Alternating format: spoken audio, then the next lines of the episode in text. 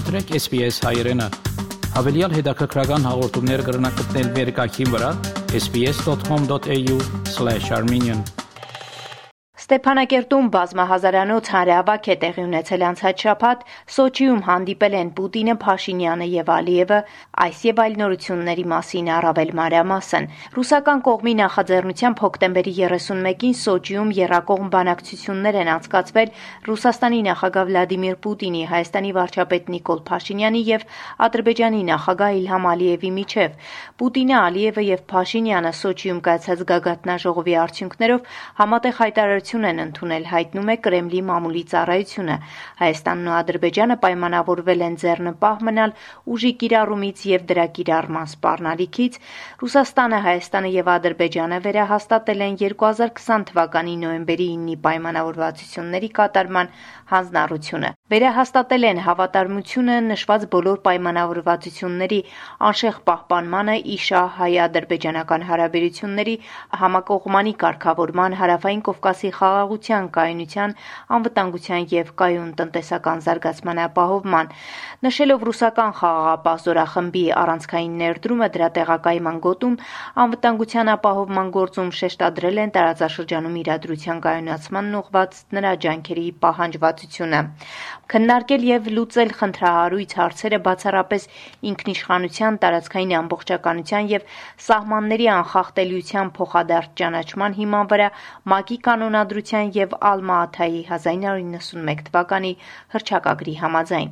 Կարևորվել է Ադրբեջանի եւ Հայաստանի միջև խաղաղության պայմանագրի կնքման ակտիվ նախապատրաստումը տարածաշրջանում կայուն եւ երկարատև խաղաղության հասնելու նպատակով։ Մինչ այդ Պուտինն առանձին հանդիպումներ է ունեցել Փաշինյանի եւ Ալիևի հետ։ Հայաստանի վարչապետ Նիկոլ Փաշինյանի հետ հանդիպմանը Պուտինը ասել է, որ հակամարտությունը ձգձգվում է արդեն տասնամյակներ, դրա համար էլ պետք է ինչ-որ ժամանակ այն ավարտել։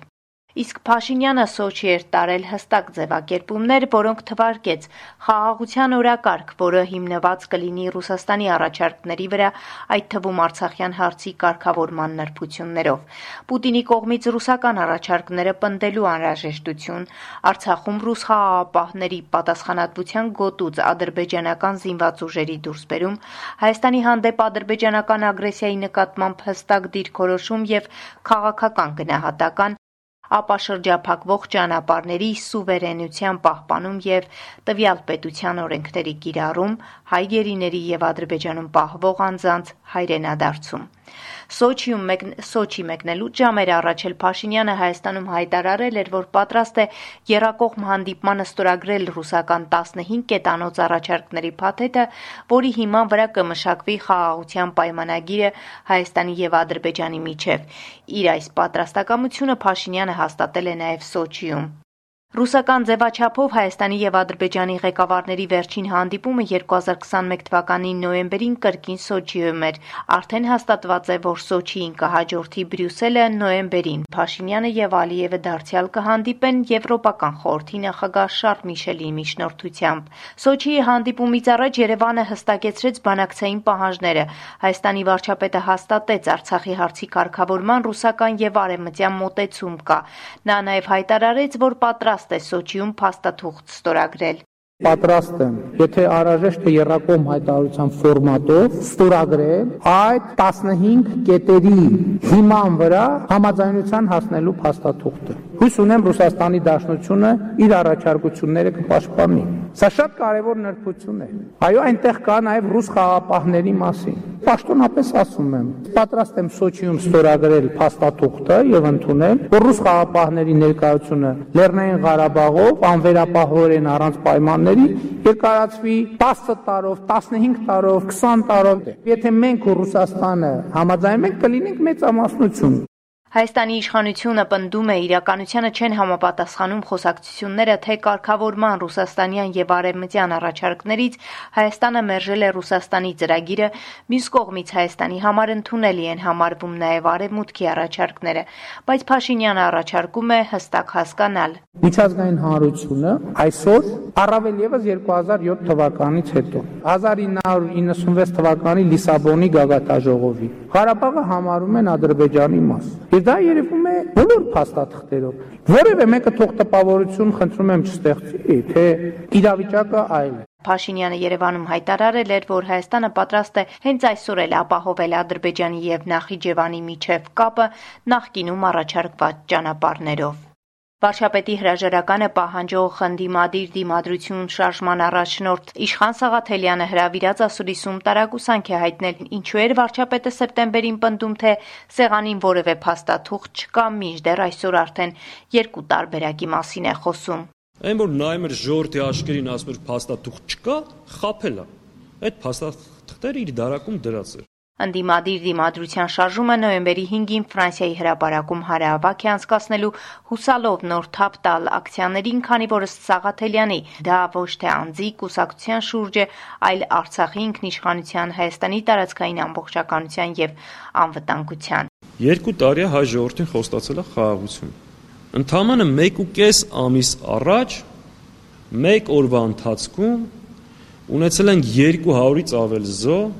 Տշնամին Հայաստանի ինքնիշխան տարածքում է։ Դիերը դեռ խրամատներում են,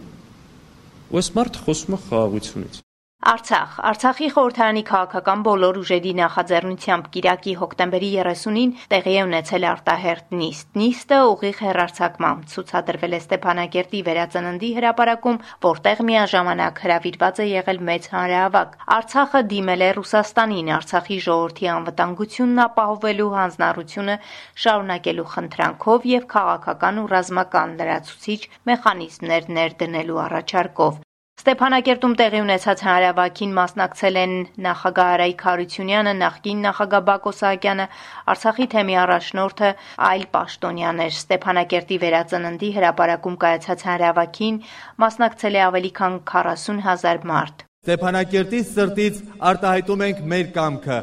Արցախը չպետք է լինի Ադրբեջանի կազմում։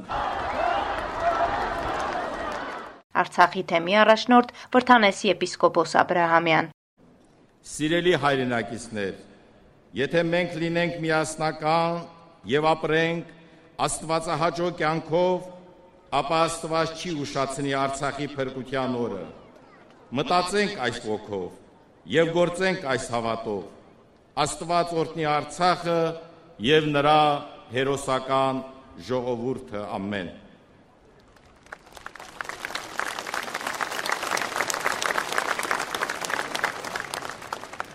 Սփյուռք Անվտանգային հարցերը կարելի է լուծել միայն Հայաստան-Արցախ Սփյուռք երամիասնությամբ Երևանում տեղի ունեցել Սփյուռքի գագաթնաժողովը։ Կառուցելով մեր համատեղ ապագան խորագրով Երևանն իր հարկի տակ էր հավաքել աշխարհի 5 տասնյակ երկրների հայ համայնքների ու հայկական կազմակերպությունների շուրջ 600 ներկայացուցիչների, գիտնականների ու հասարակական գործիչների։ Համաշխարհային հայկական երրորդյա գագաթնաժողովի գլխավոր նպատակը Հայաստանի համար դժվարին իրավիճակում կարծիքների գեներացիա զարգացումն ու նոր ճանապարհային քարտեզի մշակումն էր, ասում էր Սփյուռքի գործերով գլխավոր հանձնակատար Զարե Սինանյանը։ Գագաթնաժողովը մի քանի նպատակ ունի։ Նախ, ասեմ անկեղծ, որ նպատակներից մեկը պարզապես հավաքվելն է։ Բարդ է, բարդ է, բայց պիտի խոսենք, պիտի գոնե մի հատ լսենք իրար, խորհուրդներ լսենք իրարից, տեսնենք ինչի է պատրաստ Սփյուռքը։ Գագաթնաժողովի պաշտոնական բացման արարողությանը վարչապետ Նիկոլ Փաշինյանը շեշտել էր, որ այն փուլում, երբ Հայաստան-Սփյուռք հարաբերությունները բովանդակային, սոցիալ-հոգեբանական կազմակերպչական խորը փոփոխությունների են ենթարկվում, այս հավաքը առավել քան տեղին ու սպասված է։ Թե հեղափոխությունը, թե պատերազմը առիթ էին, որ մենք արձանագրենք ակնհայտը, որ ժամանակը անխուսափելի ազդեցություն է թողնում նաև հայկական սփյուռքի էության եւ բովանդակության վրա։ Հայաստանը պետք է ավելի մեծ տեղ ու նշանակություն տա հայկական սփյուռքին, վստահ է Ֆրանսիայի Վիեն քաղաքի փոխքաղաքապետ Լևոն Սակունցը։ Սպասելիքները մեծ են, արդյունքների մասին խոսելը դեռ վաղ, հիմա առավել քան երբևէ սփյուռքը պետք է Հայաստանին, կարծում է Լևոն Սակունցը։ Հայաստանում եւ Հայաստանի կառավարության կողմից ել ավելի կարելի է նշանակություն եւ կարեւորություն տալ Սփյուռքին։ Սփյուռքը դա մեծ ներուժ է, որը կարելի է եւ հնարավոր է ավելի ուժեղ օգտագործել, որտեղ մենք ցանկացած պետությունում ունենք մեկ դեսպան, երևի 1, 2 կամ 3 հյուպատոս, բայց նաեւ ունենք հազարավոր եւ 100 հազարավոր փոքրիկ դեսպաններ։ Այդ փոքրիկ դեսպանները կարող են пассив լինել, չգործել, բայց ճիշտ իրենց հետ աշխատելով մենք կարող ենք այդ դեսպաններին սարքել մեծ դեսպաններ եւ ունենալ աշխարհում մի քանի միլիոն Հայաստանի դեսպան եւ Հայաստանը կունենա բոլոր մյուս երկրներից տարբերվող արտաքին քաղաքականություն Այսքանը անցնող շաբաթվա իրադարձությունները SBS-ի համար ամփոփեց Գիտալի Բեկյանը։ Կուզես լսել նման բանություններ կընտրե Apple Podcast-ի, Google Podcast-ի, Spotify-ի վրա, կամ որտեղեն որ podcast-ը դուք լսես։